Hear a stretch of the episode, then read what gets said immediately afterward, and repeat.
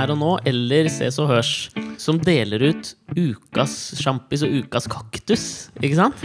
det er jeg usikker på. Det er en av de to Det er lenge siden jeg har vært hos tannlegen, så jeg, jeg Ja, er ikke sikker. Det er ikke så lenge siden jeg har vært hos tannlegen. Nei. Ref denne gommen jeg fikk. Ja, ja, ja. um, og jeg hadde så innmari lyst til å dele ut ukas sjampis til min kjæreste Mari.z. Åh. Ja, du kan si det, men i går I går Du ble jeg er så nydelig. Jeg ble jævla stolt i går. Fordi helt siden eh, var det i nyttårstalen sin, hvor Jens Stoltenberg sa at vi skulle være mer digitale nabokjerringer. Var ikke det nyttårstalen han sa det? Eh, hva mener du med det? At vi skulle passe litt på på nettet. Dette var jo post. Så nabokjerring er positivt, det. Nabokjerring var positivt. Sånn skulle kikke ut gjennom nøkkelhullet, spionere på naboen. Gjør det på nettet. Fordi Ja. der, der ulmer det av lumske holdninger, ikke sant? Jeg skjønner. Eh, Vi skal alle være en kikkert i Altså en, en mann i bestefarstruse, Ja. wifebeater og kikkert som røyker rullings og ser på den eh, 17 år gamle nabodattera. Men i motsetning til han, som bare står og liksom Gjerne sånn kikkert på begge øya. Ja, han har jo ikke en Vel- slags monokkel eh, Ja, men det er mange som har sånn stjernekikkert. Jack Sparrow-kikkert. Nei, men Hvis du har sånn Ja, stjernekikkert, sånn, ja. så kan du kikke liksom Da kan du bo, da kan du bo på Grünerløkka og titte på en dame på Sagene, liksom. Men det er ikke kompatibelt å ha stjernekikkert og stå og røyke rullings i en wifebeater og truse, liksom. Vet du hva jeg føler eh, nettets ekvivalent til stjernekikkert er? Hva er det? Det er Hvis du tar fra Instagram, da, så må du scrolle nedover og så velge bilder du har lyst til å se. og sånn Ja, men må du Du får jo se alle bildene. Jo, men du får se så bitte, bitte små. Og ja, når du er på den derre siden Den Ja, derre den Hva er populært-siden? Ja, eller hvis jeg går inn på deg, da, for eksempel. Mhm. så, så skal jeg eh, finne et, eh, et bilde av eh, Asta si, hvis jeg trenger det, da. Ja, ja, ja, ja. nå- det gjør jeg av og Ja. til. Ja, du er jo en kompis, så jeg trenger å finne noe å prate om i denne podkasten, så da er jeg inne og spionerer litt, da. Ja. En digital nabokjerring. Ja. Så er det veldig Altså, telefonen er ikke perfekt til det. Nei, Altså, det er, det er smått og jeg skjønner hva du mener. Så jeg skulle gjerne gjort det liksom på laptopen, da. Mm. Men der er det litt vanskelig. Ja. Men du har sånne der egne sider som heter liksom Instagram uh, Reader eller noe sånt. Hvor du går inn der, og så kan du se da på bildene uh, større, altså Alle thumbnailsene er større, og så kan du trykke deg rett inn på det. Altså Det går mye kjappere å browse en profil. Yeah. Det er en stjernekikkert Men jeg, må, jeg, inn i den digitale jeg hverdagen. syns jeg er imponert over at du liksom din, I din alder, da. Har, har den peilinga du hadde her. Jeg som har biffkniver på ønskelista til jul. At jeg vet det. Jeg skal ikke si noe, jeg har nuppefjerner. Men du, Du har kam. det er men det har vi prata om før. Ja. Eh, du, jeg, fordi det, det, det jeg tror Som, som jeg tolket da liksom det Stoltenberg mente, sant, var jo at vi, når man f.eks. ser noen liksom ytre noe på Facebook som man syns er rasistisk eller synes er dårlig, liksom, skal man si fra. At Ja. det var det som lå i digital nabokjerring. Og jeg merker med meg selv at jeg tør ikke det alltid. Nei. Jeg er redd for å fornærme folk og syns det blir litt sånn stress. Så, så det er mange ting som folk legger ut eh, rundt omkring hvor jeg tenker sånn Dette burde jeg ha kommentert på, så gjør jeg det aldri. Ja, Og Det var derfor jeg hadde lyst til å gi ukas sjampis til Mari, for at hun gjør det alltid. Ok Og går- er, er det bare på ting hun ikke liker, eller er det på ting hun liker også? Nei, jeg liker hun, For jeg syns generelt det er for mye sånn derre Nei, du Det er er for mye dust. Det er for mye ja, Ja. det, det er så mye hatepoeng. Ja, Det er mye av det. Men og, denne syns jeg var liksom berettiget. Og det var sånne ting som hvis det hadde vært i min feed, så hadde jeg Mhm. sikkert tenkt liksom fy faen, rasshue, liksom. Men så Om hadde jeg Mari? Nei, om den personen som hadde lagt ut. Men så hadde jeg browsa videre. Men det gjorde ikke hun, da. Hun, hun tar opp kampen, og det er noe jævla Det er noe jævla bra over det, da. Ja. Og det, jeg, som sagt, det skal ikke være noe morsomt, eller noe sånt, men jeg tenkte, altså, det var en venninne av henne, eller jeg er jo ikke en venninne, men en hun er venn med på Facebook, Mhm. som hadde lagt ut eh, en sak fra Aftenposten som handler om at det, var, det, var så, det er så lav yrkesaktivitet blant innvandrere at det kan føre til store kostnader for Norge de neste tiåra, ikke sant? Dette er et problem. Okay, sier jeg. Og dette er jo NHO som har laget en rapport om dette. Bla, bla, bla, bla, bla. Og det står liksom ikke noe om hvorfor. Det står liksom bare fakta i den saken. Og det, de må man jo anerkjenne. Det kan by på problemer. Og det kommer de- an på hva du kaller innvandrere, da. Ja, sant, Norge uten en. arbeidsinnvandring hadde stoppa fullstendig opp. Det er, nummer, det er nummer én. ikke sant? Det er veldig mange ting man kan ta den saken på, men jeg tror ikke saken i seg sjøl bare var en slags sånn faktasak om at hvis vi ikke endrer at altså Det er veldig mange som faller ut av videregående opplæring. ikke sant? Det er jo synd. Ja, det Og det er skal vi anerkjenne. Enhetsskolen må opprettholdes. Absolutt. Men så, er da en, så var det da en hun kjente som hadde liksom lagt ut denne saken, med, hvor hun hadde skrevet en kommentar over Skal de bo her, så må de da for faen skjønne at de må jobbe. Ja. Og da hadde jeg tenkt sånn Fy faen, søppelfolk. Slette venn på Instagram. Og så bare gått videre. Ja. Men ikke Mari Dotseth. Hun tar opp kampen og skriver da følgende kommentar. Skal jeg lese den? Den er lang, altså. Oi! Ja, men jeg syns det er bra, og jeg syns det fortjener liksom en Ok. sjampis. Ja, Ukas sjampis. Mari Dotseth har hennes kommentar på Facebook til en venninne. Ja, det er jo skal Jeg tror vi skal ta i Nå tror jeg ikke de er venner lenger, hvis de noensinne var. Uvenn. Hei, Silje. For et konstruktivt innspill i, til integrering, integreringsdebatten. Sarkasme. Ja, ironi. Ja. Hva er forskjellen? Jeg har ingen anelse. Ironi er det motsatte. Da sier du det motsatte av det du mener. Sarkasme bare er litt sånn fleis, flåsete, fleisete. Ja, da, da, ja, ok. Jeg har egentlig aldri skjønt forskjellen på ironi Sarkasme er liksom mer uh, humor, tenker jeg. Ja, tenker jeg også, faktisk. Ja. Og så er det mer bitende. For du, du kan ha en ironisk distanse, men du kan ikke ha en sarkastisk distanse. Da det. investerer du når du bruker sarkasme. Ja, Er det litt så forholdet mellom likegyldig og hat? Mm, Eh, nei, altså. det er det ikke. Mens jeg sitter og nyter den fortjente hyllelsen eh, Malala Yousafzai og Kailash Satyarthi får på Nobelsendingen, får jeg imidlertid et lite ønske om å forstå bakgrunnen for, og ikke bare at vi i verdens rikeste land skjelver i buksene pga. manglende jobbdeltakelse i innvandrerdelen av befolkningen, eller, for å si det på din måte, hvorfor jobber de ikke? Kanskje nettopp en forståelse av hvorfor så mange dropper ut av videregående opplæring, og hvorfor så mange finner det vanskelig å tilpasse seg det norske arbeidsmarkedet, kan hjelpe oss å faktisk endre dette bildet, istedenfor at vi skaper et kunstig skille mellom oss og dem. Tror du ikke dette ville skapt et sunnere fremtidsbilde for norsk økonomi, og motverket hverdagsrasismen her på Facebook og hjemme i de mange stuer? For vi er vel alle enige om at rasisme er en forferdelig uting? Jeg syns det er helt fantastisk at vi tar imot så mange mennesker fra andre deler av verden som har det mye verre enn oss, og jeg syns definitivt at integrer integreringspolitikken kunne blitt, blitt, blitt bedre. Klarer ikke å lese. Ingen motsetning der. Jeg syns hun er Det er bra hittil, liksom. Ja. Jeg Det er mer, meg, ja da.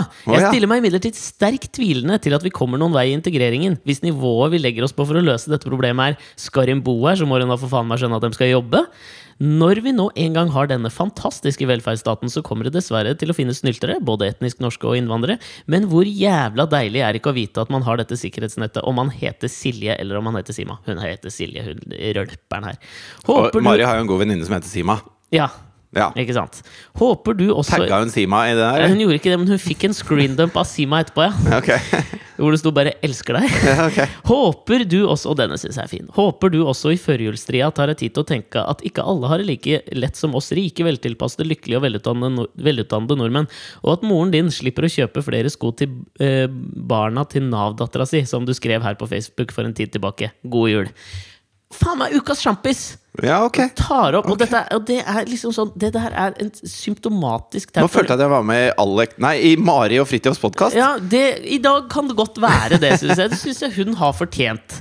For dette er sånn typisk den dama her. Hun viste meg jo bildet av den dama og hva hun hadde lagt på Facebook før. Og for liksom noen måneder siden så var det sånn Jeg går på Nav, jeg, og mamma må kjøpe sko til ungene mine og sånn. Og for all del. Det, det er Jo, men det liksom er greit, da- men ikke da- slenge ut da at liksom andre su, altså innvandrere suger fordi de ikke jobber. Nei, men allikevel, man skal ikke gå helt dit, da. For hun er da i en situasjon hvor hun sikkert føler at det er noen innvandrere som har tatt jobben fra henne. Ja, det. Fordi hun ikke har jobb, ikke sant? ja. At, og da må hun gå på Nav. Og jeg, jeg syns jo at eh, det blir som å endre loven etter at du har Ja. tatt Breivik, liksom. ja. Så hun, hun er på en måte inhabil Helt enig. i dette her. Hvis hun syns at problemet er at innvandrere ikke jobber, så tør jeg påstå at da, eh, sånn, sånn som hun skjærer ting over én kam da, hun har sikkert en god grunn til at hun ikke har en jobb. Det er en grunn til at hun går på Nav. Det fins også en grunn til at de innvandrerne som går på Nav, går på Nav. Som er minst like god. Så hun burde jo være den første å få opp øya. Men når det gjelder integreringen, så syns jeg at det i, hvis man liksom skal ta Nå nærmer vi oss disse kavalkadene mot slutten av året. Yes. Og hvis man skal ta kanskje den som har stått for eh, den, den kjappeste og mest, eh, mest uventede integreringshendelsen Ja. i år, ja. så er jeg nødt til å trekke fram vår alles kjære Elisabeth Norheim. Fordi- Queen of Facebook. Det har Ja. vært veldig stille i kongedømmet hennes i det siste. Ja, jeg kan jo bare kjapt sette hvem hun er. Hun er en, en, en veldig, veldig aktiv Facebook-person. Som eh, er fra Nord-Norge, tror jeg, med afrikansk avstamning. Og hennes kampsak er på en måte å være å være sort nordmann og, og hvordan, hvordan det er. Og, og hun skal kjempe mot alle som syns at det er dritt. Var det, var det en slags ja, liten oppsummering? Jeg har kanskje tenkt at prosjektet hennes er antirasisme helt fram til jeg så Trygdekontoret, som vi jo prata så mye om i en podkast. Ja, det, ja, antirasisme. Men, men så plutselig kommer hun, og så sier hun da noe eh, ekstremt sånn fordomsfulle ting om jøder og deres posisjon i verden. Ja, som er er- helt jævla ugreit. Ja. Og, så, og så brenner hun seg jo stort på det. Og da mener jeg eh, det som er hennes eh, integreringsprosjekt, da, Ja. som var velfungerende her, det er jo nettopp at den som hiver seg på og støtter det hun sier på Trygdekontoret, det er Tore Tvedt fra Vigrid. Altså en av de mest mark markante nynazistene vi har i Norge. Ja. Så når da denne, denne eh, selvutnevnte antirasisten og eh, sjefen for Vigrid på en måte finner et felles standpunkt i jødehatet sitt, ja. Så er det en form for integreringspolitikk som ingen hadde sett komme. Ja, men Det er en ekstrem integrering. Altså, som, jeg klarer ikke å si integrering. Nei, integrering. integrering. Men, men kanskje altså sånn, Ikke det at vi skal liksom støtte jødehatt, men kanskje liksom jødene er blitt så tykkhuda nå at de Nei, det tror jeg, tror jeg ikke det er, altså. Nei, men altså At de liksom sånn ofrer seg på integreringens alter for at svarte og nynazister skal kunne møtes og forbrødres. Nei, de gjør ikke det. Nei, de gjør jo ikke det. Og det, eh, altså, øh, den eneste sånn levende fordommen jeg har mot jøder, da Mm. Så Nå er- kaller jeg det en fordom, men jeg tror jo at det er sant. Eh, Svære neiser. nei, det er Ikke det. Okay. Men jeg hadde en jødisk advokat i, i London. Ja, Har du hatt advokat? selvfølgelig har jeg det, men når man spiller i band og skal signere en platekontrakt på 2000 sider, så må du ha advokat. Og jeg trodde du skulle si på 2000 millioner pund. Nei, Okay. Uh, men uh, han hadde en sånn veldig jødisk nese òg, da. Men, eh, men det er jo det at de er veldig kjapt oppe med dette antisemittkortet sitt. Oh, ja. Sånn at det er vanskelig å føre en debatt uten at det plutselig blir trøkka i trynet på deg. Altså Hvis du, hvis du syns det er dumt at barn i Gaza dør, så er du plutselig antisemitt, da. Ja, det er Altså, altså De er veldig kjapt oppe med det kortet, og det hindrer en slags sånn konstruktiv debatt om hvordan man skal oppnå en tostatsløsning, f.eks. Ja, Den eneste fordommen jeg har mot jøder, er jo at eh, de styrer jo hele Washington og Hollywood. Kødda! Kødda! Ja, Da kan du bli med Tore Tvedt og Elisabeth Norheim og drikke kaffe en dag. Ja. Men jeg mener at eh, de har jo funnet en slags felles plattform plutselig, Mm. på det mest uventede stedet. Og, og når det gjelder hun Silje, da, som Mari har skrevet til, så syns jo jeg at det, eh, det er ikke noe forskjell på Silje og de Silje slenger dritt om. Nei. Fordi at Silje er arbeidsledig. Hun har sikkert noen grunner til å være arbeidsledig. Vi må prøve å hjelpe henne ut av den situasjonen, sånn at hun kommer tilbake i arbeidslivet og blir en samfunnsnyttig borger. Mm. På samme måte som de innvandrerne som også ikke har fått seg en jobb enda. Så, så for meg så er de akkurat De er en del av den samme gruppen. Jeg, jeg ser ikke forskjell på henne og de hun mobber. Er helt og ikke enig. mobb i din egen gruppe. Ikke gjør noe det, Ikke kast stein i glasshus. Nei. Og det, altså, det vil- Ikke bygg Ikke først bygg det jævla glasshuset, og så kast stein i det. Ikke gjør det. Veldig så det Ukas kaktus går til hun dama her. Ukas Ja. sjampis til fantastiske Mari Nydelig.net. Og ukas eh, eh, kaffemøte går til Tore Tvedt og Elisabeth Norheim.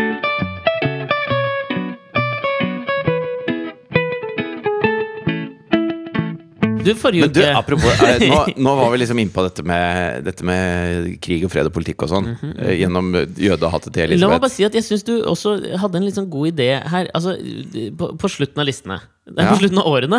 Ja. Året! på slutten av året så kommer det alltid lister. Ja. Topp ti-lister av ditt og datt. Ofte plater, bøker, fist og fjast. Ja. Hadde, hadde vært jævlig mye morsommere om de listene kunne liksom betydd noe. Årets topp ti integreringsøyeblikk. Så var det liksom Ja. Elisabeth Norheim og Tore Tvedt. Ja. Årets topp ti stein i glasshusøyeblikk for, fra politikere. Altså, det hadde jo vært jævlig mye mer interessante lister å lese. Ja, altså, eh, sånn som Du nevnte jo den derre Nobelprisutdelingen nobelprisutdelingen. Med Malala Yousefzai. Ja, og han og aldri han husker navnet. som ingen har nevnt noensinne at har fått Nobels fredspris. Han, han kom jo helt i skyggen av Malala. Ja. Og, og ikke fordi Malala ikke er fantastisk. Det, eh, men det er helt sikkert han òg. Jeg bare vet veldig lite om han. Jeg vet at han er fra India. Ja, At han har jobba med barn. At han har jobba med barn. Mye, Og at han liksom. sikkert er dritfett og råbra. Tipper han er dritfett. Hørte du forresten talen til Torbjørn Jagland? Nei, jeg, jeg måtte jo styre litt unna det der, for jeg får jo, der får jo jeg sånn flauhetsklemma. Ja. Fordi jeg veit jo at han er så dårlig engelsk. Veldig. Noe som også Geir Lundestad har påpekt ettertrykkelig. men, men helt uavhengig av at han er dårlig engelsk, så uh, s- Så eh, han, han er så dårlig i engelsk at han glemte at han prata engelsk på et punkt. Nei. Jo. Uh, han ikke sa- er det julekalender Jo, han sa Nei. sånn uh, Nei, jeg veit ikke om jeg vil. And there is one thing they have in common, nemlig unity. Han sa nemlig! Det syns jeg er veldig gøy. Men under denne fredsprisutdelingen så var det jo en person som storma inn. Ja, En ung meksikansk student. Ung meksikansk student som søkte om eh, politisk asyl i Norge dagen før, tror jeg. Ja. Eh, og han storma eh, opp til Malala idet hun mottok fredsprisen, så vidt jeg har forstått. Ja, og han andre. Og han andre, selvfølgelig. Med et eh, stort meksikansk flagg. Og da leste jeg annet hun Susanne Aabel, hun fra bloggerne, som også er en veldig eh, aktiv person på, eh, på verdensveven. Ja, og av jødisk avstamning. Ja. Eh, og hun Jeg syns det er veldig eh, gøy å lese det Susanne skriver, fordi at det, veldig mye av den norske I hvert fall mine venner på Facebook er ganske entydige om hva de syns om Israel-Palestina-konflikten. Det er ikke mye jøder der, si. Nei, men, men Susanne er en av de, og hun er en av de som jeg liksom eh, ser på som en smart, oppegående Absolutt. dame. Sånn at jeg, leser de tingene hun, hun skriver og sånn. Og så- altså. Og så er jeg uenig eller ikke uenig, men jeg syns det er veldig deilig at vi kan ha en, en åpen debatt selv om vi er uenige. Det syns jeg er sunt. Det kommer man framover av. Ja. Ikke bare ved å snakke med alle som bare er enig med seg sjøl, og hate alle de andre. Mm. Uh, men så skrev hun liksom eh, et eller annet med Hvordan i helvete kom han seg inn der i det hele tatt? Hva- si Hva faen, Pottit-Norge, liksom?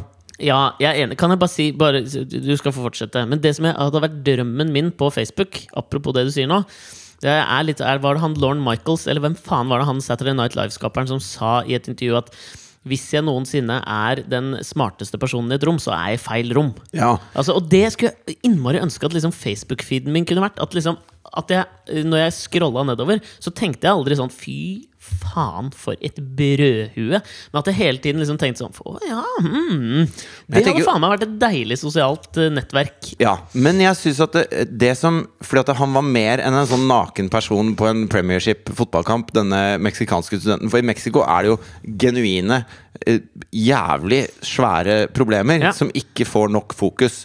Fordi folk syns det er altfor vanskelig å ta inn. Sånn at i norske medier, og til dels også i internasjonale medier, så er den konflikten ekstremt underrepresentert. da Ja. I forhold til hvor alvorlig den er. Det var vel det han ropte til, eller sa til hun Malala, var vel Kan du ikke snakke om studentene i Mexico? Snakk om Mexico. Ja. Uh, og da syns jeg at det, hvis vi først skal påpeke et eller annet med hans på en måte protest, da Mm. hans sivile ulydighet, som jeg syns var ekstremt ufarlig, Ja. så syns jeg at Nobelinstituttet, i det de deler ut fredsprisen, er den riktige arenaen. Ja. Jeg, jeg, jeg støtter han fyren her. Jeg, Ja, vet du hva, jeg syns det er ja. dritfett. Ja, det var så mange ting med det. òg. liksom Nummer én, veldig ufarlig. Han hadde et flagg. Det var liksom ikke Du så jo på han. Han Ja, ja. hadde jo ikke tenkt å gjøre noe kødd. Overhodet ikke. Han, han brenner for dette her, og, og det, er, det er livsfarlig i Mexico om dagen, og det er ingen som prater om det. Og, og derfor syns jeg at det var en, en legitim liten protest på et helt riktig sted. Og jeg er for litt sivil ulydighet. Jeg syns det er deilig. Ja, altså er det noe morsomt i det? Altså, nummer én, det jeg tenkte på da jeg så det, var jo at jeg hadde nok ikke hatt lyst til å havne i et basketak hvor Torbjørn Jagland var på min side og skulle backe meg. Jeg vet ikke om du så liksom han, han liksom bare skulle prøve Han liksom bare skulle knuffe den bort. Og det så så jævlig dumt ut. Han var liksom sånn «Ih, ih», med, med armen sånn Gå bort! Gå Torbjørn bort!» slåss med, han slåss med intellektet, han slåss ikke med kroppen. Det var så utrolig flaut å se på. Ja. Og så tenker jeg at Er det en sånn dobbelthet i det? At når, når en person Ja, ok, de skjønte kanskje ikke Du skjønner kanskje ikke umiddelbart hva denne fyren protesterer mot, eller om det bare var liksom tull og tøys. Trams. Ja. Men du ser at han kommer med liksom et flagg, og han sier det. Så tenker jeg liksom sånn Det som hadde vært drømmen, og som hadde sikkert vært i Alfred Nobels ånd ja, for de vi deler ut Nobelprisen til, er de som tør å gå mot strømmen. Det er de som tør Ja. å bedrive sivil ulydighet. Det er de som tør å gjøre det ingen andre tør. Altså Det Malala driver med, er jo eh, for Altså, i Pakistan, da. Så det at hun mottok Nobelprisen, ble ikke dekket i noen av de fire største avisene, og ikke på noen av de seks største TV-kanalene. For de har et veldig ambivalent forhold til det hun driver med, fordi at hun går motstrøms i Pakistan. Og, og det vil si at hun er jævlig ballsy, og at, at hun er akkurat som denne meksikanske studenten. De er sikkert helt utrolig enige om utrolig mye. Ja, ja. Sånn at Men burde han derfor liksom Istedenfor å gi han eh, underarmen, kan vi si, det var jo det han prøvde å dytte han bort med, Torbjørn Øgland burde han liksom i Nobels ånd gitt han mikken, liksom? han ble bare sagt 'kompis, high five', Ja. jeg ser hva du driver med. Vi ser deg. Ja, det, et, En eller annen anerkjennelse burde Ja. han faen meg fått, tenker jeg. Og hvis man skal bli irritert over noe, så bli irritert over de studentene som er kidnappet og drept av politiet Ja. i Mexico. Ikke bli irritert på at vi ikke har god nok sikkerhet på Nobel-greia. Jeg kan også anerkjenne at vi gir sikkert en følgefeil til senere nobelprisutdelinger hvis man anerkjenner at man bare kan løpe opp på scenen. Det er klart Hvis Tore Tvedt kommer løpende opp med en slags sånn swastika-flagg, så er det et problem. Ja, ikke sant? Men samtidig, man burde liksom da, er, burde, da burde jo vi vært talerør for at liksom, da hadde det vært greit òg, og det klarer jeg ikke helt. Jo, det har- måtte vi stått for, da. Ja? Den, er, den er verre, Ja. syns jeg. Men en annen ting som jeg tenkte på da jeg satt og så på denne nobelprisutdelinga, det var jo nummer én, ikke sant? Det syns jeg er liksom for slitt å snakke om nå, men det er jo at ingen veit hvem han andre er. Det er jo dritfett å få nobelprisen, men, Men der syns jeg at eh, både pressekorpset og Nobelkomiteen har hatt et problem, da. Fordi at når den prisen først ble eh, annonsert, Mm. og hvem som vant, så var det liksom Og vinneren av årets nobelpris er Malala Yousafzai! Woo! Og så en annen fyr. Ja. De, de, de underspilte han veldig, da, fordi at hun var liksom the poster child. Ja. Men Eh. tror du han liksom tenker nummer, For jeg har to ting jeg har tenkt på her. Nummer én, tror du han tenker at Fuck, liksom. Fuck! Hvorfor måtte jeg få den sammen med akkurat hun, da? Det kunne Ja, vært så mange andre. Jeg tenker at han, det kunne vært han har hvem som helst som andre i verden, og han hadde liksom fått mer oppmerksomhet. ja, eh, Han har det sikkert som Husker du når Norge slo Brasil Ja, i VM? ja. En som var innbytter der, I, på ja det norske landslaget. Alf Inge Haaland. Alf Inge Haaland satt på Alf benken og så alle kompisene vinne over Brasil. Åh. Og så var det ut på banen og juble med de andre. Ikke sant? Prøve å bytte ja, drakt med Rivaldo. Jeg var også med, liksom. sånn tror jeg han opplever det. Ja, og det er jo synd, for det er jo det største du opplever, liksom. Klart det. Han kommer til å komme tilbake til India med denne prisen i kofferten. Og så er alt liksom litt Naboen hans vet ikke at han har vunnet engang. Nei, jeg tror det faktisk er litt sånn. Ja. Men det andre som jeg tenkte på, øh, og som jeg syns hadde vært litt gøy Og misforstå hva rett med gøy, da. Det er jo at ok, Malala Yousafzai, hun er 17 år. Og la meg si det sånn at i, i, for meg, da, hvis jeg hadde fått en nobelpris, så hadde det vært, det hadde vært piken. Hvis jeg skulle da tegna i, øh, gjort et portrettintervju i VG Helg og tegna den der lifespan-greia du mener at hun har en sånn Sandra Lyng Haugen-karriere, sånn at hun piker for fort? Jeg tror Malala har pika for tidlig. Ja, Idol junior-problematikken. Ja, jeg tror faen meg altså, Tenk deg liksom sånn Det fantastiske som kunne skjedd, tenker jeg, er jo ok, Malala 17 år, mottok Nobelprisen, og om liksom seks år så er det en sånn derre Hva heter det? I Kanalen I har sånn True Story. I True Stories. Ja. Om mennesker. ikke sant? Der gikk det galt, liksom. Og at du får bli med på nedturen til Malala herfra ut. Malala driver en sånn sweatshop i Moskva Oh, yes. om 50 år. Mye. og Hun driver knasker i masse do, MDMA og røyker opium. Hun har sånn bare konstant migrene etter å bli skutt i fjeset av Taliban. Ja, og det prøver å selvmedisinere seg med alt som fins av ulovlig dop. Ja, og hver gang politiet kommer og skal prøve å ha sånn crackdown på sweatshopsa hennes, så står hun der med nobelprisen og bare Fuck off! Med litt sånn us- rullings i siden av kjeften og litt sånn slitne horeklær. Liksom. Ja, med sånn puppa som henger ned til linninga på buksa. Men grattis med prisen, altså.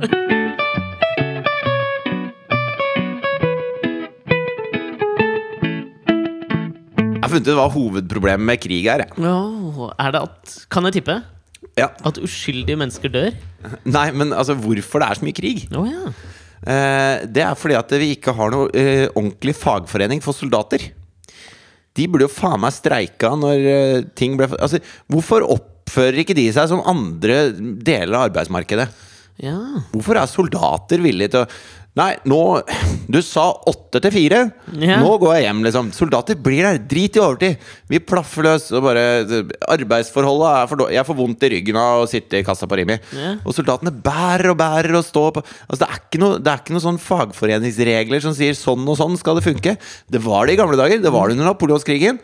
Da var det sånn Ja, da slåss vi klokka tolv. Og så klokka to er det tepause, så da går alle tilbake til hver sin kant. Og så slåss vi videre etterpå. Eller så møtes vi som den er det under andre verdenskrig, den standardanekdoten om at de møttes og spilte fotball, da, Ja. allierte og de tyske styrkene. Ja, det var i Nord-Frankrike, tror Jeg jeg. tror det var det. Ja. Altså, er det bevisst? den der, det er en sånn historie som jeg tenker sånn der, Det er en levende anekdote som altså, Jo, Jeg, der, jeg der tror kimen, ikke på den. Der var kimen til fagforeningsånden i soldatyrket. Ja. Fordi da hadde de ligget i sånne skyttergraver i sin egen avføring og piss og dritt og sett kompisene bli skutt. Ukevis. Uke, I Månedsvis, månedsvis. ja.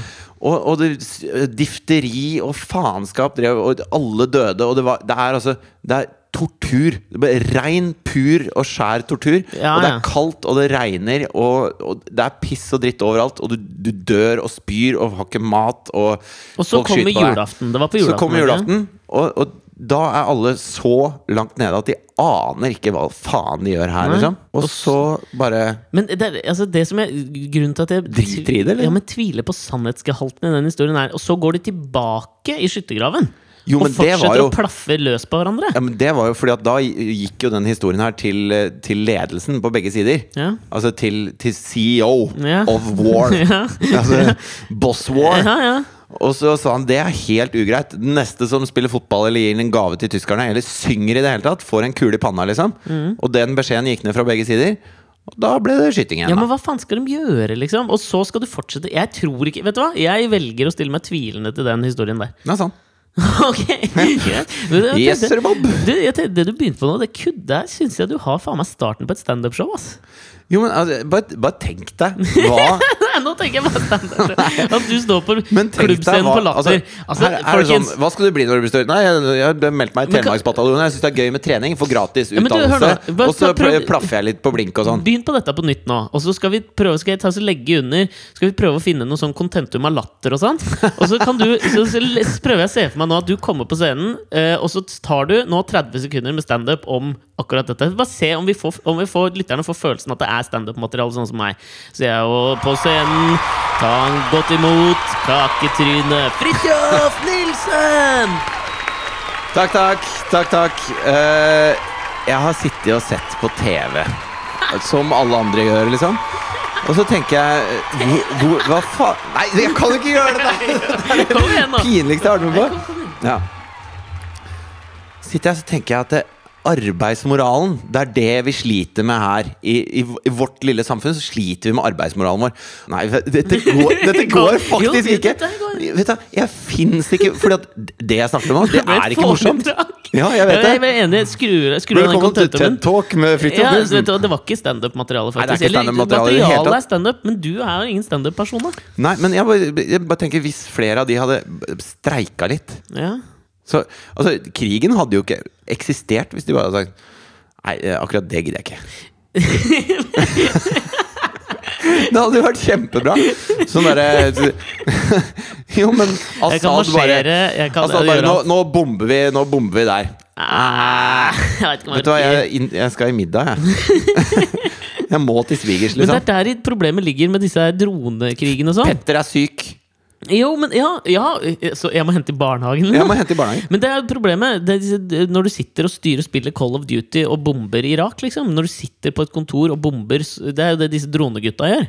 Da kan du jo gå hjem etterpå og feire liksom Ja, for da kan du planlegge krigsarbeidsdagen Ja, din skikkelig. der, har, der har du, de har jo sikkert tenkt det du har tenkt. At på Ja. et eller annet tidspunkt her nå Så kommer det en jævla kjip fagforening, så kommer hun dama fra Fredrikssons fabrikk og sier bare 'Fagforening av Fredriksson'!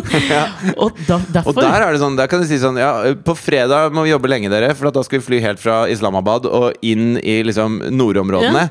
Og det er en eh, seks timers flytur hver vei, liksom. Så Ja. på fredag så kommer de ikke hjem. Altså, du Alle kan- får overtid da. Ok, Vi- vi får vi 100 den den første der. timen, og så får vi 150 den andre timen? Nei, ok, da gidder Skulle jeg ikke. faen meg ha kake altså, hvis jeg skal gidde å sitte og bombe klokka ni av kvelden. Er overtidsmat?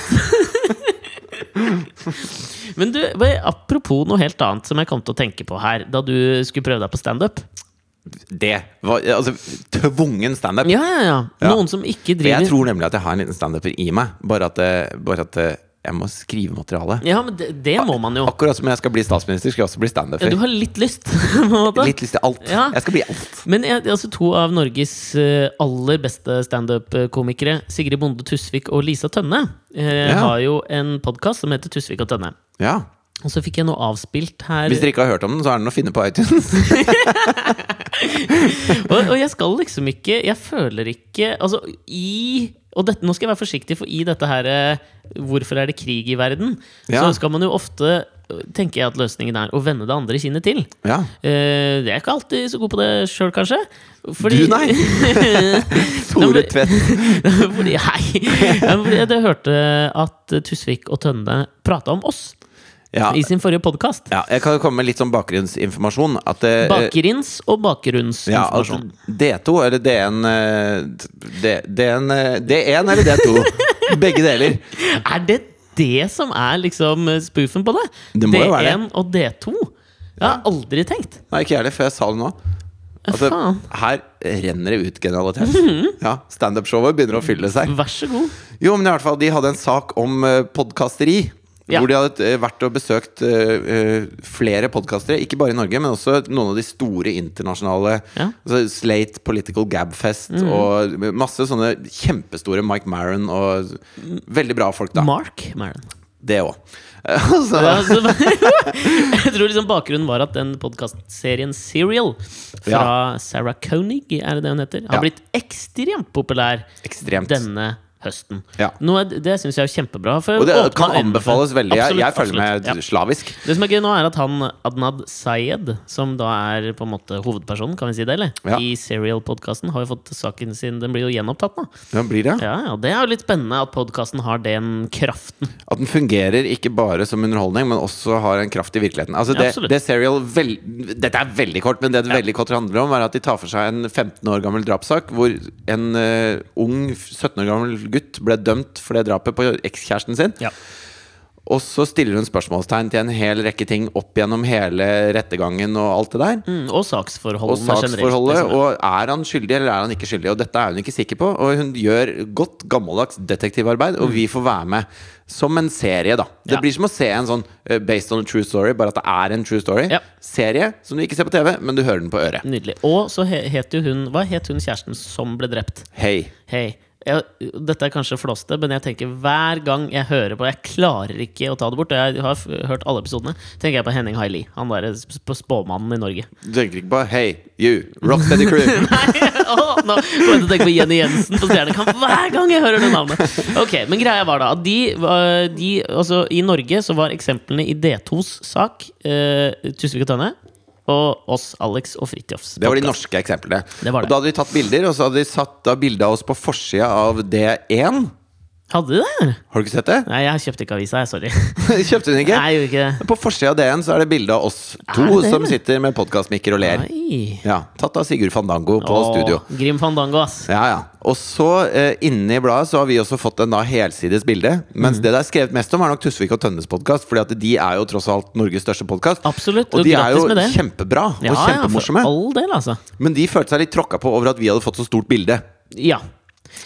Og det er greit nok. Det syns jeg er helt eh, greit. Altså, det er greit, men eh, vi skal jo bare altså, I dementiets ånd altså, det- For å bruke et, et kontemporært eksempel, så ble jo eh, FRP, Frp-erne, og kanskje med Per Sandberg i spissen, jævla Per Sandberg, ble griseforbanna på den derre SAS-artikkelen som han svenske journalisten hadde skrevet, hvor han lagde en sånn eh, en slags historisk kontekst på høyrebølgen som sveiper over Europa. Alle Ja. disse høyrepartiene. Ja. Og så reagerte de veldig på at, eh, at de hadde blitt satt i, på en måte, i sammenheng med liksom, nazismen, Hitler, Quisling Ja. osv. Ja. Eh, og så fikk de da eh, SAS til å trekke alle disse bladene. Jeg husker ikke hva det SAS Inflight-magasinet heter. Jeg tror det heter SAS Inflight Ja, det er det det heter, ja. Eh, Som i utgangspunktet hvis Jeg leste teksten, og jeg, de har nok ikke noe å si på teksten, men bildebruken var kanskje litt krit, under, altså den var kritikkverdig. Ja. Og så mente jo Per Sandberg at de hadde fortjent en tilsvarsrett, når mm. ingen Frp-ere hadde Eller ingen hadde uttalt seg liksom, om Frp. Det var jo ikke noe å ha tilsvar på. Nei. Så det han var på jakt etter, var et dementi. Det er jo vanskelig dette med begreper rundt journalistikk. Per Sandberg Jeg kan skjønne at det er vrient for deg å skjønne det, men det er, det er litt i den Trass i at du er en utgitt forfatter. Absolutt. Ja. Men det er litt i den tradisjonen jeg tenker at vi bør kunne få lov å komme med et lite tilsvar til Tusvik og Tønne. Ja. Fordi de kom med en del faktoider som ikke stemte. Jeg liker jo eh, begge to veldig godt. Mm. Uh, bedre enn podkasten deres, om jeg skal være helt ærlig. Men, men jeg syns den også har sine, sine grove sider. Deilige, grove sider. Ja, men altså, jeg, jeg liker dem kjempegodt, jeg. Jeg liker at de er med sammen med oss. At de har fulgt etter oss i det å lage en norsk uavhengig podkast. Ja, og at de har gjort det så fantastisk bra som Ja. de faktisk har. Og de er jo definitivt helt klart størst. Og Og det skal nå- de ha all ære for. Og nå til poenget. Nå til poenget. De sa noen ting eh, om altså De ble veldig snurt fordi at vi hadde det største bildet. Men la meg bare si da at bitterhet er ikke en farge som kler verken Lisa Tønne eller Sigrid Bonde Tusvik. Eller Såpass må vi kunne Alexander si. Nyhagen. Som du har bitterhetens farge Ja, malt derfor- i ansiktet akkurat Ja, men Det er jo derfor jeg kan si det, for på seg sjøl kjenner en andre si. Sånn er det. sånn, ja, det- sånn er det. Men altså, for faen. Men, men det som, det som eh, og, det, og det kunne de godt liksom tatt oss på og mobba oss litt for. Men så sa de noen ting som jeg bare har lyst til å, å rette opp. Ja. Eh, og det er eh, For det første så sa de at eh, eh, disse gutta er jo også journalister. Sånn at de har sikkert fått journalistkompisene sine på DN og D2 til å sette størst bilde av dem. La meg bare si det, altså, altså For ditt lille akademikerkompleks så var jo det en virkelig liten deilig flyvende teppe å komme inn på. Jeg har, har... så vidt videregående. altså Jeg tok X-Fill, Fordi da kunne jeg få rentefritt lån på 5000 kroner til å kjøpe en bruktbil. I. Husbanken! ja, sånn Men, eh, men eh, sånn at eh, jeg er på, på ingen måte noen journalist, og har ingen kompiser i verken DN eller D2. Men jeg er en hyggelig fyr. Sånn at når han Sigurd Fandango hadde vært der og tatt bilde av oss, Ja. så tror jeg han følte seg som kompis av oss. Det tror jeg òg. Så, så jeg kan jo si at min eneste har- forbrytelse jeg har- jeg er er å være hyggelig.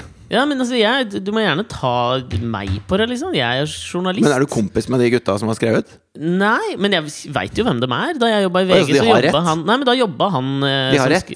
Nei, altså, jeg føler at kompis, da skal du liksom være kompis. Jeg veit hvem de Nei, er. nei, nei. nei. Du kjenner dem. Mm, ikke fotografen, jeg kjenner jo han journalisten, jeg. Faen! Kan du ikke avkrefte et rykte Men- når de har rett! Nei, men de har ikke, de har ikke rett. Ok, greit. Lisa og Sigrid, akkurat det med at vi, vi kjenner dem, det gjør vi visst. Jeg visste ikke det, men vi kjenner dem. Så det er sikkert en av grunnene til at du har fått stort bilde. Men så sa de en ting til. Men altså, la meg bare si det sånn at eh, for å gi dere et, eh, Tønne et innblikk i hvordan den, de journalistiske irrgangene og den publisistiske tradisjonen fungerer, da, så er det Ja. slik at en journalist leverer fra seg en sak til noe som kalles en desk. På desken så tegner de ut sidene, og når jeg tegner, så mener jeg ikke med blyant og viskelær, men de gjør det på datamaskin. Med mus. yes! Yes. Og så velger de ut hva som er, gjør seg best og egner seg best rent uh, grafisk i en hipsterblekke som D2. Så det faller jo fortsatt litt på stel- stengrunn, mener jeg. Ok, men de har rett. Så det- akkurat, akkurat den er grei. Men, men, Men, så sa de de en ting til. er at de, de hevde at vi ikke hadde de lytterne vi hadde oppgitt, f.eks. Ja, de sa at det kan, det kan umulig stemme. Eh, sånn at det, det er ljug. De anklagde oss for ljug, rett og slett. Det er ikke noe Eh, hyggelig, og jeg liker dem, men akkurat der syns jeg ikke dere var noe hyggelige. eh, men da har jeg bare lyst til å si til dem at den, den eh, litt sånn snurte holdningen er ukledelig. Det er, det er ukvinnelig og ukledelig. Snap! Og jeg er ikke snurt på dere, mine damer. Og, og vi har de tallene vi har sagt vi har. Vi vil aldri finne på å lyve for kompiser. Nei, man ljuger ikke til kompiser, ass. I, spesielt ikke i D1 og D2, Nei, for det det, er, det er kritiske, er kritiske journalister. greier, Man blir tatt klaps på pungen. Ja, det blir det. Ja, sånn at eh, det er sant. Og hvis dere har lyst, så kan dere komme hit på besøk på kjøkkenet og se på de tallene. Vær så god.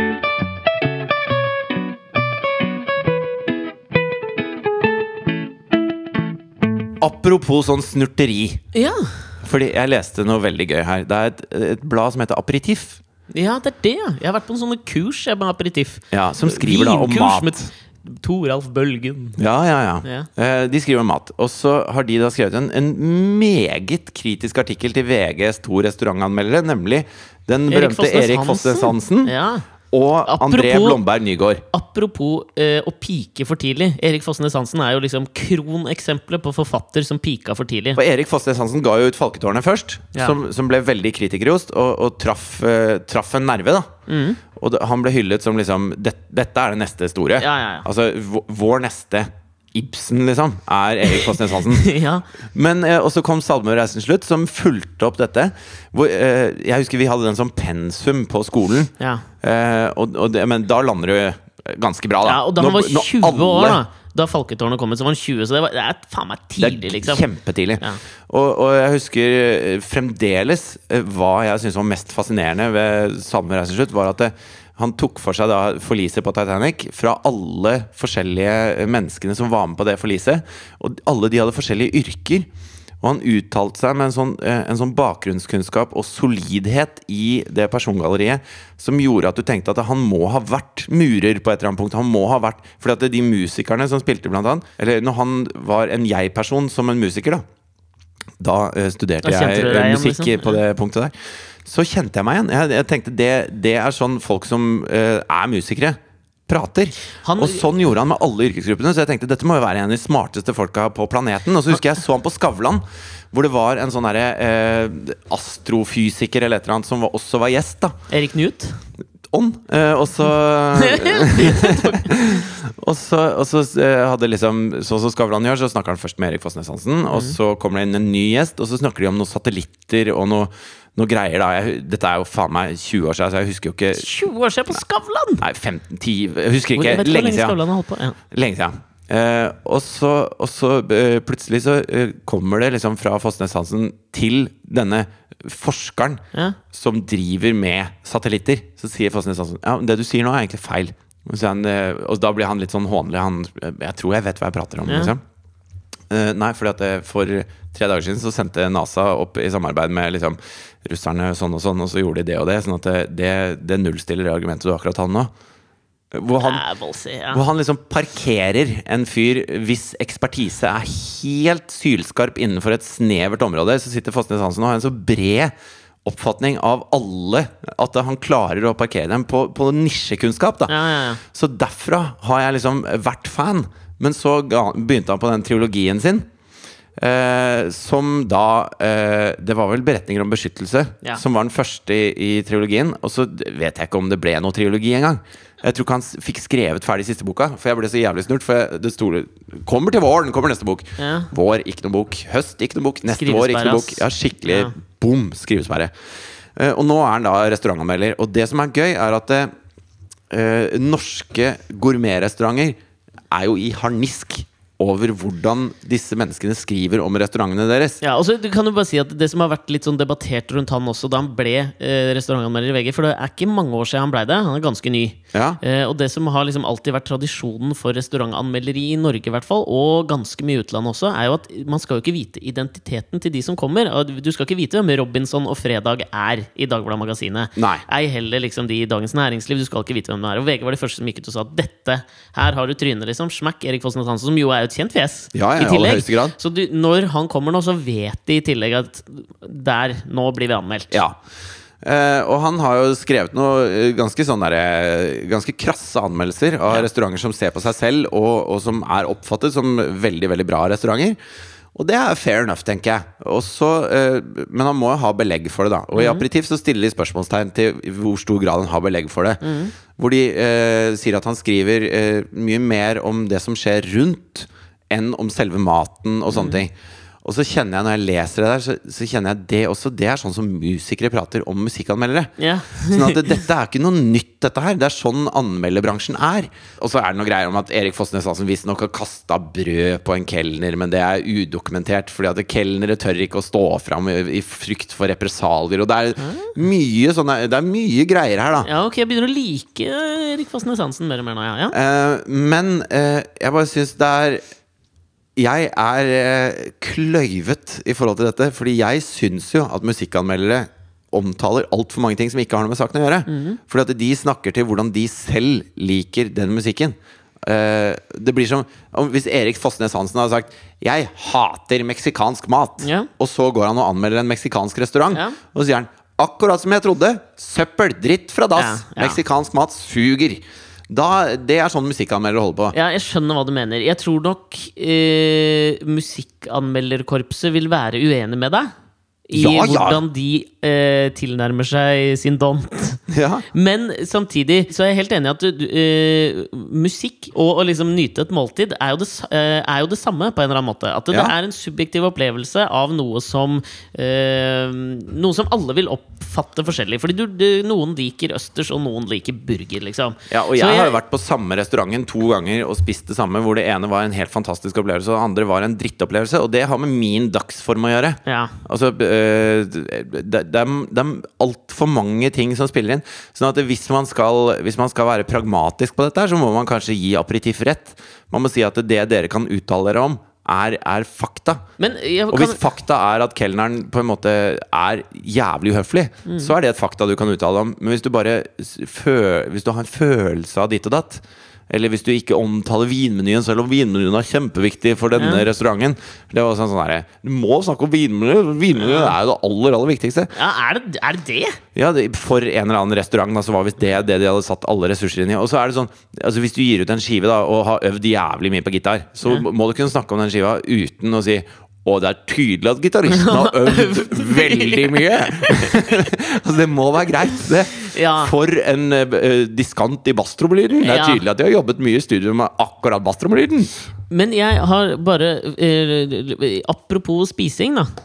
Hvis jeg kan få lov å dra det videre. Hvis du har liksom fått Ferdig nå. Tømt Ja. meg. Greit. Fordi, eh, fordi eh, i forlengelsen av å spise, så har jeg lenge bekymret meg over det, som er en veldig subjektiv opplevelse for meg, som jeg har prøvd å dele med deg noen ganger. Er det fedmen du skal til? Nei, faktisk ikke. Ja, men jeg føler at denne her har ikke vi alltid delt. For jeg har for noen ganger en sånn derre Når jeg holder kattunger det er sjelden, ass. Ja. Men noen ganger da så får jeg lyst til å bare kjø- Ja, det har du nevnt knekke nakken Ja. liksom, bare ta seg. Ja. Og det er litt sånn det samme. Og spise det Ja, men det er i hvert fall det jeg har fått med Asta. At noen ganger så har jeg, altså ganske ofte, liksom, så er hun så søt at jeg har lyst til å liksom bare ta og rive av det kinnet, spise det, og så ta, tisse det ut, og så lage det til juice, og så drikke det. Men du- altså, du får en sånn følelse av at du har lyst til å bare spise, faktisk fysisk spise opp den jævla ungen. Er det derfor du kaller henne burgeren, eller? Ja, Det kan være en freudiansk greie oppi det, det veit jeg ikke. Ja. Men dette er jo en sånn ting jeg har Men har du kommer aldri til å gjøre det. Altså Nå har jeg sett på American Horror Story på Ja. Netflix i det siste. Der gjør jo folk sånne ting. Ja, nei, du, det kommer ikke til å skje. Nei, jeg kommer ikke til å gjøre det. Nei. Men eh, å nible litt på et kne eller en Men er det sånn hvis du klipper neglene hennes, så plukker du opp de neglene og så spiser du de? Nei, det er fordi de er ikke så gode, tror jeg. Det er mer liksom kjøttet. Ja. Og så har jeg jo liksom ytra dette i visse sosiale settinger. Øh, Ja. Eh, og så faller det alltid litt sånn Folk blir litt sånn Anyways ja, men jeg kjenner, kjenner den refleksen. Men nå har jeg Yale universitet til å backe meg på akkurat dette her. okay. Fordi de har jo gjort noen undersøkelser på akkurat dette. For det var tydeligvis ikke bare jeg som har følt behovet for å bare nyble litt på de gode Dette sjakene til ungene sine. spedbarnskannibalisme, har de sjekka ut Ja, litt? faktisk sjekket ut det Ja, litt. Men det de begynte med å sjekke ut, var jo altså hvordan vi reagerer på følelser. ikke sant? Noen ganger så prøver vi liksom, Hvis du har en følelse, så trykker du den kanskje ned hvis du ikke vil ha den. Eller så gir du den et kjempeutløp. altså Det er mange forskjellige måter å regulere seg på. da Ja. Og så har de funnet ut at uh, det er noe som kalles uh, Og dette klarer ikke jeg å oversette til norsk, da. Men det heter dimorphous expressions. Altså Dimorphous handler vel om at noe kan ta forskjellige former. ikke sant? Altså, amorf er jo i hvert fall en slags sånn kjærlighetserklæring. Ja, og så Da tror jeg det handler om at uh, dette er en sånn annen måte å uttrykke uh, en følelse på. Det de mener da, er at du for å balansere ut, så reagerer du da på det motsatte. Så jeg har lyst til å liksom sånn Fordi at Asta er så innmari søt, og at jeg føler så mye kjærlighet, så har jeg lyst til å liksom bite av av kinnet for å balansere opp eh, eh, søtheten. Jo, men det du har lyst til, er jo ikke den, den fysiske eh, Altså, det du har lyst til, er jo ikke det å bite av henne kinnet. Du har lyst til å spise den gode tingen. Ja, men det er jo to sider av samme sak. Det blir jo to sider av samme sak. Nei, altså Bite av kinnet blir som å skjære et stykke av biffen. Ja, men jeg kunne Men det er jo det å putte den i munnen og nyte smaken du Ja. gleder deg til. For den er så god. Så jeg, jeg føler at du linker opp to veldig sterke eh, eh, følelsesmessige opplevelser. Mm. Som er din eh, feeder Nei, din sånn der, eh, ekstremnytelse for mat, som jeg vet du har. Ja. Og din ekstrem eh, kjærlighet til datteren din. da Sånn at eh, de to følelsene er så sterke da at, eh, at du, du ser av og til ikke helt forskjell på dem. Det, det, blir, som, det blir som det hat Altså, det, dette er Tvedt og Norheim I all over again. jul. Ja. At når de begge går inn i en sånn, en sånn fordomsfull hatemodus, så finner de hverandre. Selv om de mener helt det motsatte. Om, omtrent alt. Så jeg er Tore Tvedt, og Asta er Elisabeth Norheim. Nei, du er Tore Tvedt og Elisabeth Norheim. Asta er bare En liten jøde.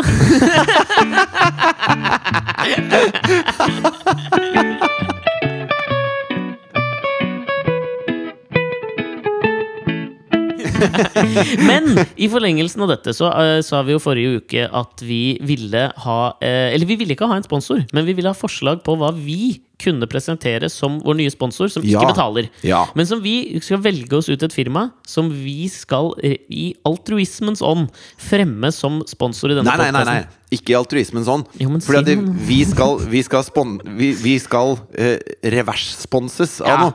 Vi skal komme Det er for så vidt sant. Vi skal komme med innlegg, sponsorinnlegg, som ikke enda er betalt, og så skal vi etterfakturere dem. Eh, Det er planen. Og så vi, vi ba dere om å foreslå eh, liksom, hvilke firmaer kan liksom passe vår profil. For det er jo ganske viktig her vi skal sitte da, all den tid vi skal Absolutt. presentere dette som eh, god fisk. Og så vil jeg bare si at det er, veldig, det er veldig mange som har kommet med veldig gode forslag på saker som vi kan eh, Saker og firmaer Mm. som vi kan være med og støtte gjennom eh, vår, vår, vår lille podkast. Ja. Men eh, Bitte, fordi bitte lille, de skal ifølge Tusvik og Tønne. Ja, men fordi det skal etterfaktureres dette her, så er det jo veldig viktig at det er noen som er betalingsdyktige. Så uh, Medison Sans Frontier ryker, ryker, Ja, liksom. det ryker, og det er jo litt synd nå, for vi skulle jo gjerne gitt dem oppmerksomhet. Men vi må ha noen som har litt spenn, liksom. Ja, det er viktig. Eh, altså, eh, jeg, har, jeg, har, jeg har tre eh, som jeg har plukka ut. Så kan vi se om du har plukka ut de samme tre, for dette har vi ikke prata om. Ja, ok. Eh, så, som vi kan ta oss og vurdere, da. Ja. Eh, nummer én så hadde, har jeg tenkt litt på at kanskje Kumeieriene kunne vært et, eh, et fint eh, sponsorat å ha.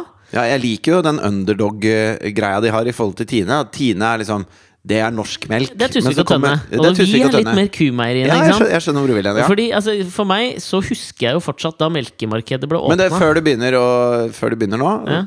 Få høre de andre. Ja. Ok, Så det var Kumeieriene, syns Ja. jeg er bra.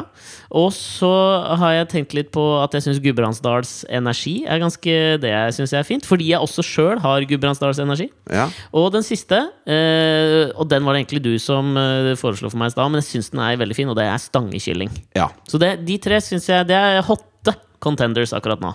ja. Så det er altså eh, melk, kylling eller strøm Mm. det er snakk om. Ja, det er jo livsviktige ting! På Maslows pyramide så er det jo de som står øverst. Ja. Kan ikke gjøre melk i dag? Melk i dag. Melk i dag. I dag er denne podkasten sponset av fantastiske Kumeieriene. Og La, altså, du kjøper kumeier... Altså, jeg kjøper utelukkende Kumeieriene-melk, jeg. Ja, og jeg gjør også det. Og det er, det er mange grunner til det. Ja. Den første grunnen er at jeg, jeg Første grunnen er smak. La oss bare si det først, da.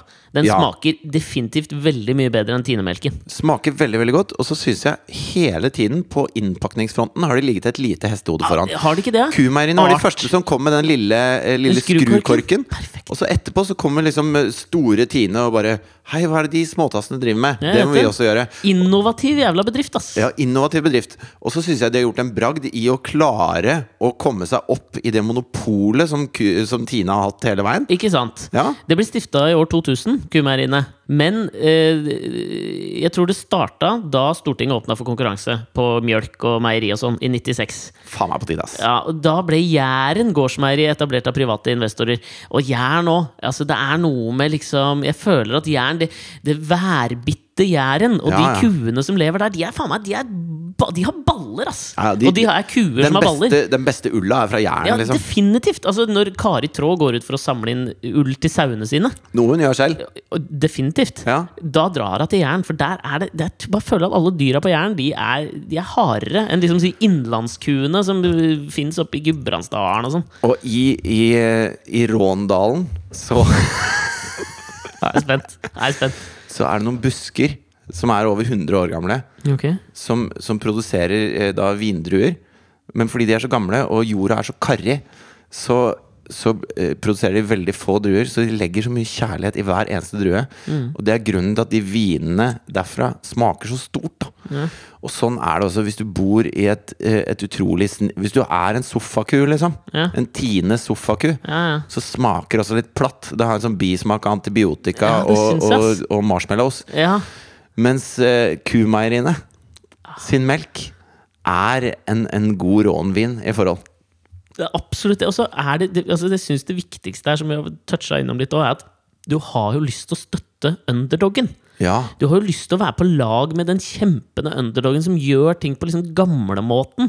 Jeg føler at det- Kumeieriene er ekvivalenter. Der er det frittgående høns. Liksom, hvis du kjøper egg fra frittgående høns, Ja. støtter du, støtter du pelsdyrindustrien, da kjøper du Tine-melk. Hvis du vil at dyr skal ha det bra, da kjøper du kumeierienes melk. ass. Altså, Tine-melk er liksom Malala Yousafzai. Ja. Mens han derre fyren fra India Kars som har jobba hele livet med å redde barn, liksom, han er kumeieriene. Og hans sak Selv om han har fått en Nobels fredspris, så har han ikke fått fokus på saken Nei, sin. nettopp det. Og han, ikke sant? Tine hadde jo vært da sånn piker som 17-åring, og så går det bare nedover med drugs og dop og alko og barneprostitusjon, liksom. Ja. Mens kumeieriene bare holder til til 60 år, når de er 60 år, fortsatt den samme trygge, gode melka som bare ligger der og godgjør seg. Bare deilig.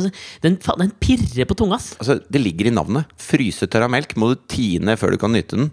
Mens kumeieriene kommer bare rett fra en jævla ku. Det er som å drikke Altså, du har en ku hjemme på kjøkkenet, føler jeg nesten. Ja, du, du, du har et, En du- tappekran. Det er en egen spene i kjøleskapet som bare spyler glasset ditt fullt av ku. og, og den er iskald liksom, fra kua. Kua kjøler seg ned den, Ja, ja. for å holde melka god og kald til deg. Liksom. ja, Det er ikke sånn at den er bånnfrossen og må tines først. Nei, Nei. faen.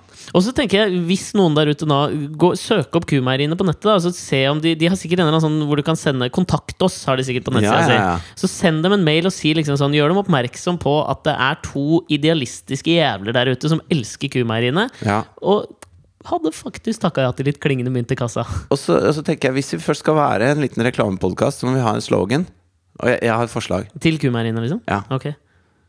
Lepp gi det i deg.